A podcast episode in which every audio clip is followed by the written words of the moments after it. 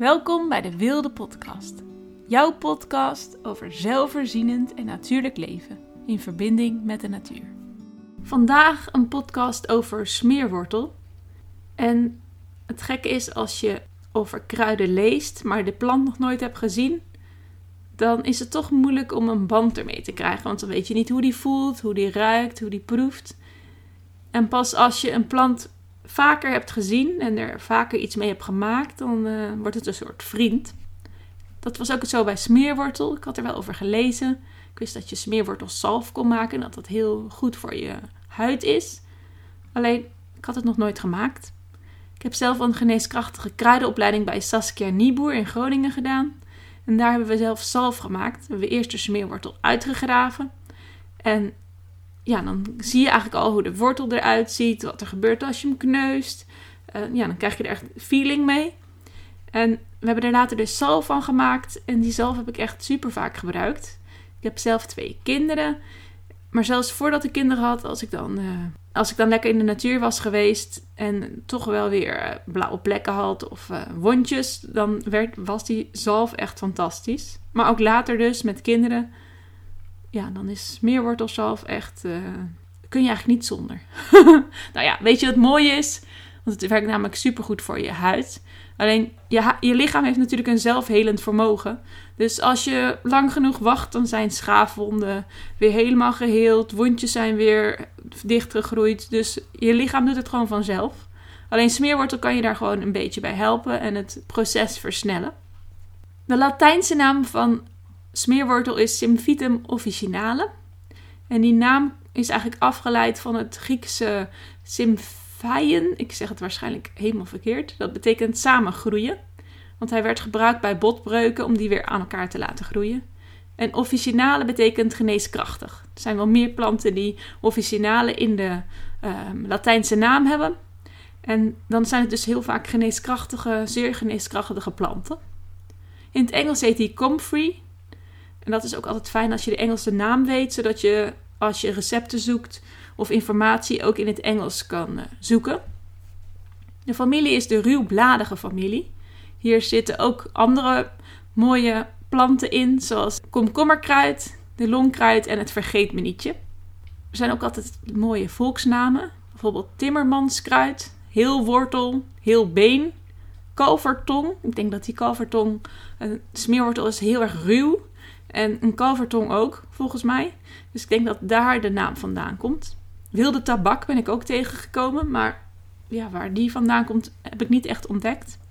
Als je nog niet zoveel over smeerwortel weet, dan is het juist heel erg leuk om hem te gaan ontdekken en te herkennen. Want dan blijkt dat hij gewoon op best heel veel plekken staat. Het is een vaste plant en hij houdt wel van vochtige, voedselrijke bodems. Bijvoorbeeld langs waterkanten, bosranden, maar ook dijken, bermen, akkers. Ik ben ze op zich overal wat tegengekomen. Hij is behaard. Hij zit niet, niet voor niks in een ruwbladige familie. En hij voelt echt ruw aan. Het is een soort schuur, ja, schuurspot. De stengel is hoekig en de bladeren zijn ja, echt heel mooi groen van kleur. En die worden ongeveer 25 centimeter lang kunnen ze worden. Die zijn niet gekarteld. Smeerwortel heeft puntige bladeren en de, de giftige vingerhoedskruid kan er een beetje op lijken, maar die heeft ronde bladeren. En die heeft geen ruw blad. Soms dan zeggen mensen wel, oeh, ik ben echt zo bang om te wild plukken, want straks heb ik een giftige. Maar ja, ik heb daar zelf eigenlijk nog nooit last van gehad, omdat als je gewoon goed determineert, dan kan het eigenlijk niet verkeerd gaan. Dus als je gewoon alle kenmerken goed ja, ik bedoel, als je al voelt dat het een ruw blad is, dan weet je eigenlijk al meteen, oh, dit is helemaal geen vingerhoedskruid. Verder bloei is ook heel anders. Maar dat is natuurlijk niet altijd, zie je de bloei erbij. Maar um, de bloemen van de smeerwortel hebben echt een soort, ja, ze noemen het ook wel een soort staart van een schorpioen. Zo is het gebogen. En die zijn heel mooi van kleur. Beetje bleekgeel, roze-lila en soms zelfs diep paars. En het grappige is dat de hele ruwbladige familie allemaal die kleur bloemen hebben. Hij kan best wel hoog worden, tot een meter hoog. En hij bloeit meestal rond april, mei tot september. Kun je smeerwortel eten? Nou, in de geschiedenis is smeerwortel echt heel veel gegeten. Ehm, in Engeland wordt het bijvoorbeeld al heel lang als spinazie gegeten. En eten ze het ook in salades. Een tijd geleden is ontdekt dat er pyrrolizidine alkaloïden in zitten.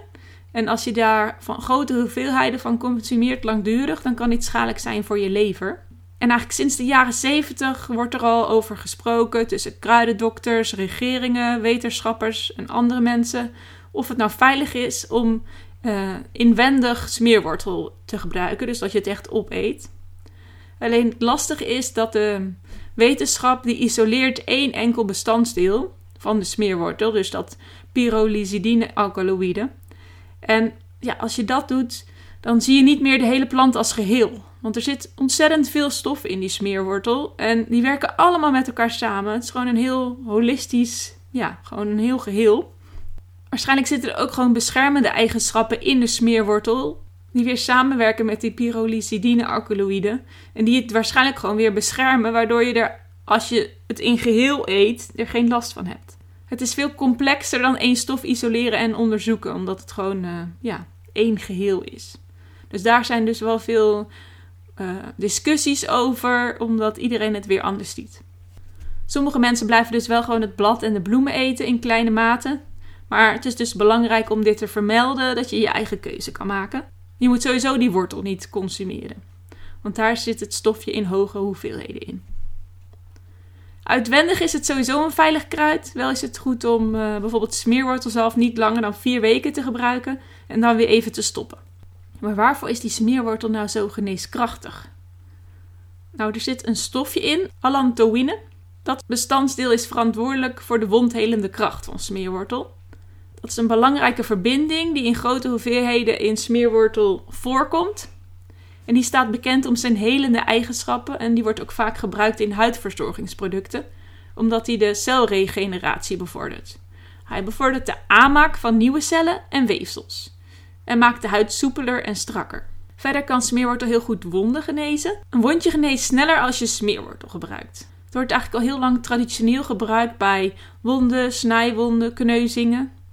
En er is ook een studie gedaan onder 108 kinderen die van de leeftijd van 3 tot 12 jaar. En de ene groep die nam een concentratie van 10% smeerwortel op een verse schaafwond. En de controlegroep die gebruikte hetzelfde preparaat, maar dat was een concentratie van 1%. En de wonden van de groep die die 10% concentratie gebruikte, die genaasden 9 dagen eerder dan de controlegroep. Dus ja, van dat soort onderzoeken vind ik wel heel erg gaaf om te horen. Omdat je dan gewoon daadwerkelijk weet dat het, dat het gewoon werkt. Ook uh, werkt het bij ondersteunen van botgenezing. Daar zijn ook studies naar gedaan. Bijvoorbeeld bij fracturen en botbreuken. Mijn kruidendocent Saskia Nieboer die heeft een potje smeerwortelzalf meegenomen toen ze in het ziekenhuis lag met een gebroken been. En telkens wanneer het gips eraf ging, dan ging ze smeerwortelzalf erop smeren. En haar been herstelde wel echt heel snel. Maar het was natuurlijk geen wetenschappelijk onderzoek. Ik vind het dus echt perfect om in huis te hebben als je kinderen hebt. Omdat, nou ja, in ieder geval mijn kinderen die vallen echt super vaak. Die zijn ook heel veel buiten en ja, die zitten vol met schaafwonden en blauwe plekken. En ik weet ook heel vaak niet waardoor ze zijn gekomen. En ik noem het ook wel een wonderzalfje. En dat vinden ze zelf, in ieder geval de oudste van drie. Die vindt dat ook heel erg leuk. Want ja, een wonderzalfje is natuurlijk heel erg leuk. Dan is het vallen niet eens zo erg meer, want dan kun je het wonderzalfje gebruiken. Je kunt er ook een tinctuur van maken. En hoe je een tinctuur maakt is eigenlijk dat je de wortel uitgeraaft. Daar ga ik straks nog meer over vertellen. En dat je die even schoonboent. En dat je hem dan heel klein snijdt. En dan koop je goede biologische 40% alcohol. Ik gebruik biologische jenever. En dan um, ja, doe je eigenlijk de wortels in een potje, giet je de alcohol erop en dan wacht je een maan. Dat vind ik zelf altijd het mooiste. Niet een maand, maar een maan. En dan kun je de smeerwortel er weer uitzeven. En wat je overhoudt is je smeerwortel tinctuur. En die kun je dus ook die kun je weer op omslagen en compressen druppelen. Dan gebruik je één deel tinctuur op vijf delen gekookt afgekoeld water. En dan leg je dat op je wond en dan uh, werkt het ook weer geneeskrachtig. Je kunt het ook toevoegen in je eigen smeerwortelzalf, dat je een beetje tinctuur toevoegt. Je kunt er olie van maken. zalf van maken. Daar zou ik zo meteen nog iets over vertellen. Als je zalf hebt gemaakt, is het het beste om twee keer per dag zachtjes de wond te masseren met smeerwortelzalf. Gebruik het niet op open wonden, want dan geneest het zo snel dat de huid alweer helemaal dicht is en het van binnen nog kan etteren. Ik vind het zelf altijd mooi om te bedenken hoe ze dat vroeger hebben gedaan. Vroeger werd heel veel uh, dierlijk vet gebruikt, want om olijfolie of om sesamolie te maken, dat kon natuurlijk vroeger niet. Daar heb je gereedschappen, machines voor nodig.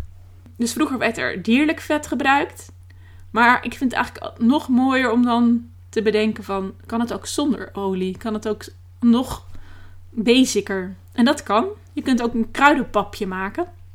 Dat kan bijvoorbeeld van een vers geraste wortel... of een, uh, van wortelpoeder wat je hebt gedroogd. En dan doe je er wat water bij. En eventueel kun je er nog wat olie aan toevoegen. En dat doe je dan op een omslag of op een compress. En dat druk je dan, of dat, dat doe je dan op de wond. Dit was hoe je het met de wortel kan doen. Je kunt ook het uh, blad gebruiken. Die kun je, het blad kun je kneuzen en dan in een doekje leggen en op de wond leggen. Dan hoef je er ook geen zalf van te maken. Als de meeste geneeskrachten in zitten, dus als eigenlijk het blad weer gaat groeien, dan kun je er ook weer een zalfje of een olie van maken. Maar die is wel iets minder geneeskrachtig dan de wortel. Maar soms is dat wel even wat makkelijker. Dan doe je eigenlijk fijn gehakte bladeren in een glazen pot en ik bedenk je helemaal met olie. En dat laat je ook weer een maand staan. Je filtert alle blaadjes eruit. En dan uh, heb je mooie helder groene smeerwortelolie. En die heb ik laatst gebruikt om zelf zalf van te maken. Omdat we even geen tijd hadden om de wortel te oogsten. Dus op die manier kan het ook. Wat ik net al zei, de wortel is het meest effectief. Het beste is om de smeerwortel te oogsten van een wat volwassener plant na drie, vier jaar. Best is als je dat oogst voor het uitschieten, dus in, het, uh, in de lente of in het najaar. Als hij bloemen heeft, gaat alle kracht bijvoorbeeld naar de bloemen en niet naar de wortel. En vanaf van januari tot en met maart bevat de wortel de meeste allantoïne. Je kunt de wortel het beste in de ochtend uitgraven, want dan is de bodem nog vochtig, vaak van dauw. En dan ga je, kun je wat makkelijker graven. En ook hebben de planten vaak s'nachts gerust. En dan zitten ze ochtends vol voedingsstoffen en energie. En het, kan het is vaak minder stressvol voor de plant, omdat hij nog in een soort rusttoestand verkeert. Het blad oogst je het beste voor de bloei en ook op een droge dag, wanneer de dauw is opgedroogd, s ochtends. Uh, anders heb je meer kans op schimmelgroei. Je bent natuurlijk wel benieuwd, ja, hoe maak je nou eigenlijk zo'n zalfje? Nou, het leuke is, een zalf maken van welke plant dan ook, is eigenlijk super makkelijk. Alleen bij smeerwortelzalf, bij de meeste planten, kun je de plant klein snijden en die zet je op olie. En dan laat je, wacht je een maand. En wat je dan overhoudt, daar, dan heb je eigenlijk uh, geneeskrachtige olie. Met een beetje bijenwas maak je daar zalf van. Alleen bij smeerwortel is het handiger om hem toch een beetje ja, op een laag vuur te smoren. Omdat dan echt alle uh, slijmstoffen vrijkomen en alle geneeskrachtige stofjes. Ik zal een recept van mijn uh, kruidendocent Saskia Nieboer op de Smeerwortelblog delen. Er staat een linkje in de show notes van deze podcast. En dan uh, vind je daar een heel mooi recept van Saskia. Smeerwortel heeft een rijke geschiedenis. Al in het oud-Griekenland, in Rome werd het al gebruikt. Griekse en Romeinse kruidendeskundigen die gebruikten smeerwortel voor uh, diverse aandoeningen, zoals wonden en breuken. In de middeleeuwen is het ook veel gebruikt. Kloostergegevens die tonen aan dat de monniken smeerwortel in hun tuinen lieten groeien. En die gebruikten de plant om de dorpelingen ook van longklachten in inwendige verwondingen te behandelen. Dus die gebruikten toen wel de smeerwortel inwendig. Ook uh, in traditionele Aziatische geneeskunde, zoals de Chinese en de Ayurvedische geneeskunde, uh, werd smeerwortel vaak gebruikt ook bij behandeling van letsels en ter bevordering van het herstel. In de volksgeneeskunde gebruikten mensen het vaak als uh, kruidenremedie bij kneuzingen, verstuikingen en andere verwondingen. En toen er nog niet werd ingegipst, werden smeerwortelcompressen uh, gebruikt om breuken te laten genezen. De Engelse botanicus en kruidkundige en arts Culpepper die um, zei dat het inderdaad supergoed werkt bij. Nou ja, ik denk niet dat hij niet het woord super gebruikte. Dat het erg goed werkte bij gebroken botten. En die zei dat zelfs uh, smeerwortel stukken vlees in een pan uh, gekookt weer aan één liet kleven. En ook in de 20ste eeuw en nu ook in de 21ste eeuw is smeerwortel nog steeds heel erg populair. Zoals je hoort, ja, is die smeerwortel zelf, uh, moet je gewoon gaan maken. Ben je nou niet zo'n huistuin- en keukenprinses en denk je, het klinkt wel heel erg mooi, ik wil dat heel graag gebruiken, maar ik ga het niet zelf maken en niet zelf wild plukken. Je kunt ook smeerwortel zelf online kopen. Er zijn echt superveel webshops die het zelfgemaakt verkopen. Het is wel leuk om dan de zelfgemaakte variant te zoeken, denk ik. Er zijn nog meer dingen die je met smeerwortel kan doen. En want hij is ook super voor in je moestuin, je permacultuurtuin, je eigen tuin of je voedselbos.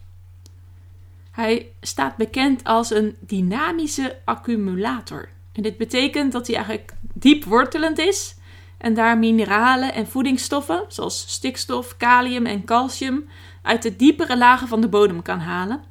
En wanneer de bladeren afsterven of worden afgesneden, dan kunnen deze voedingsstoffen weer teruggegeven worden aan de bodemoppervlakte. En dat is heel gaaf, omdat ja, op die manier uh, mineralen van heel diep weer naar boven kunnen komen. En dit kun je dus ook bijvoorbeeld als mulch gebruiken. Als je smeerwortelbladeren kun je gewoon een paar keer per jaar afsnijden. En die kun je dan uh, op de, aan de grond toevoegen. En dat helpt bij het afremmen van erosie, het vasthouden van vocht, het onderdrukken van onkruid en het verbeteren van de bodemstructuur. En natuurlijk het voeden van het bodemleven.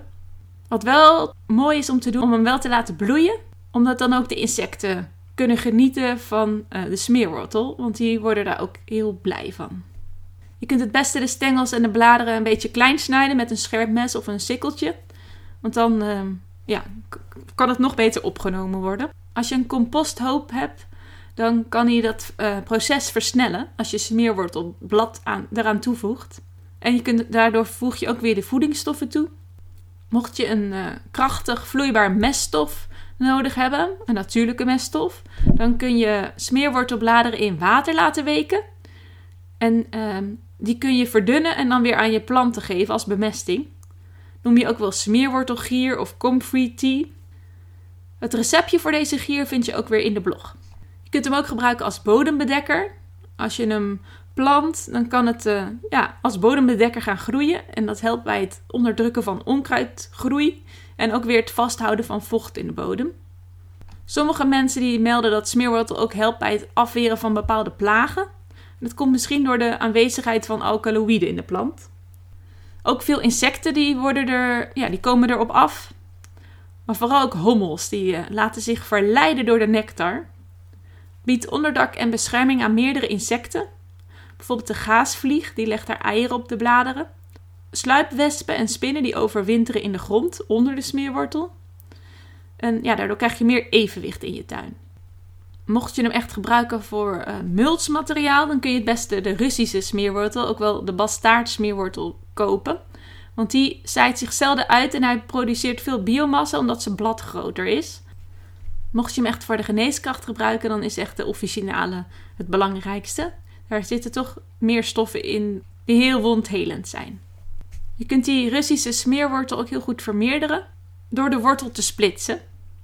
Dus als je hem in stukken verdeelt met een spade en, en meteen weer gaat planten, dan uh, heb je allemaal verschillende plantjes. Wil je echt superveel plantjes, dan kun je met een mes de plant splitsen in evenveel plantjes als er groeitoppen zijn. Mocht je nou denken, oei, als ik smeerwortel uitgraaf, ben ik dan niet de hele plant kwijt? Nou, smeerwortel is heel krachtig en die groeit eigenlijk gewoon altijd, blijft altijd wel heel veel wortel weer in de grond zitten, waardoor die eigenlijk heel vaak gewoon weer door blijft groeien. Nou, we zijn er nog niet. Er zijn ook nog andere toepassingen voor smeerwortel. Je kunt er bijvoorbeeld verf van maken. Als je 100 gram vezels wil verven, dan heb je 200 gram smeerwortelbladeren nodig. Die kook je met water en die laat je in de nacht trekken. En dan krijg je, kun je echt hele mooie groene, bruine en gele kleuren krijgen. Maar het hangt er wel een beetje vanaf wat je ook gebruikt. Bijvoorbeeld met een ijzerbad erbij. Er werd ook wel gezegd dat uh, muzikanten in het verleden hun vingers insmeerden met smeerwortel om soepeler te spelen. De gel die wordt geproduceerd als je het blad plet, die kan helpen bij het verminderen van wrijving en het verzachten van de huid. Je kunt het ook toevoegen als je zeep uh, maakt. Werfzeep die maakt een comfrey zeepje. Dat bevat wortelmaceraat. Dan, uh, ze hebben eigenlijk smeerwortel, de wortel vier uur lang op lage temperatuur in olie getrokken. Maar ze gebruiken ook het gedroogde, de gedroogde gemalen wortel. En dat voegen ze dan weer vlak voor het opgieten van de zeep voegen ze dat toe. Ook voor de kleur volgens mij. Vroeger werd het ook als natuurlijk smeermiddel gebruikt. Echt voor superveel dingen. Bijvoorbeeld voor mechanismen en gereedschappen. Het gladmaken van houtoppervlakken en het vergemakkelijken van het proces van zagen en schaven bij timmerlieden. Uh, om bewegende delen van muziekinstrumenten te smeren. Maar ook een natuurlijk smeermiddel voor schoenen, met name voor leren schoenen. Zodat het leer uh, beschermd was tegen barsten en uitdrogingen. Maar ook als natuurlijk smeermiddel voor fietskettingen. Dus het is echt, ja, ik vind dat wel heel erg leuk. Dan denk ik, waarvoor hebben we al die chemische dingen nodig als het ook gewoon met iets uit de natuur kan? Ook bijvoorbeeld voor de komst van de moderne scheerproducten werd smeerwortel soms gebruikt. Het werd op het scheermes aangebracht om de huid te verzachten en irritatie te verminderen tijdens het scheren. Dit was de podcast over de smeerwortel. In de show notes vind je linkjes naar dingen waar ik het over heb gehad. Ik ben heel benieuwd wat je van de informatie vindt. Of je nu ook zelf smeerwortelzalf gaat maken. Dat recept staat dus op de blog. Laat me vooral weten ook als je een band met de smeerwortel hebt ontwikkeld. Mijn e-mailadres is marin-wildeschool.nl En dan ja, hoor ik graag wat je van de podcast vond. Of je op- of aanmerkingen hebt. Ik wens je een mooie band met de smeerwortel toe.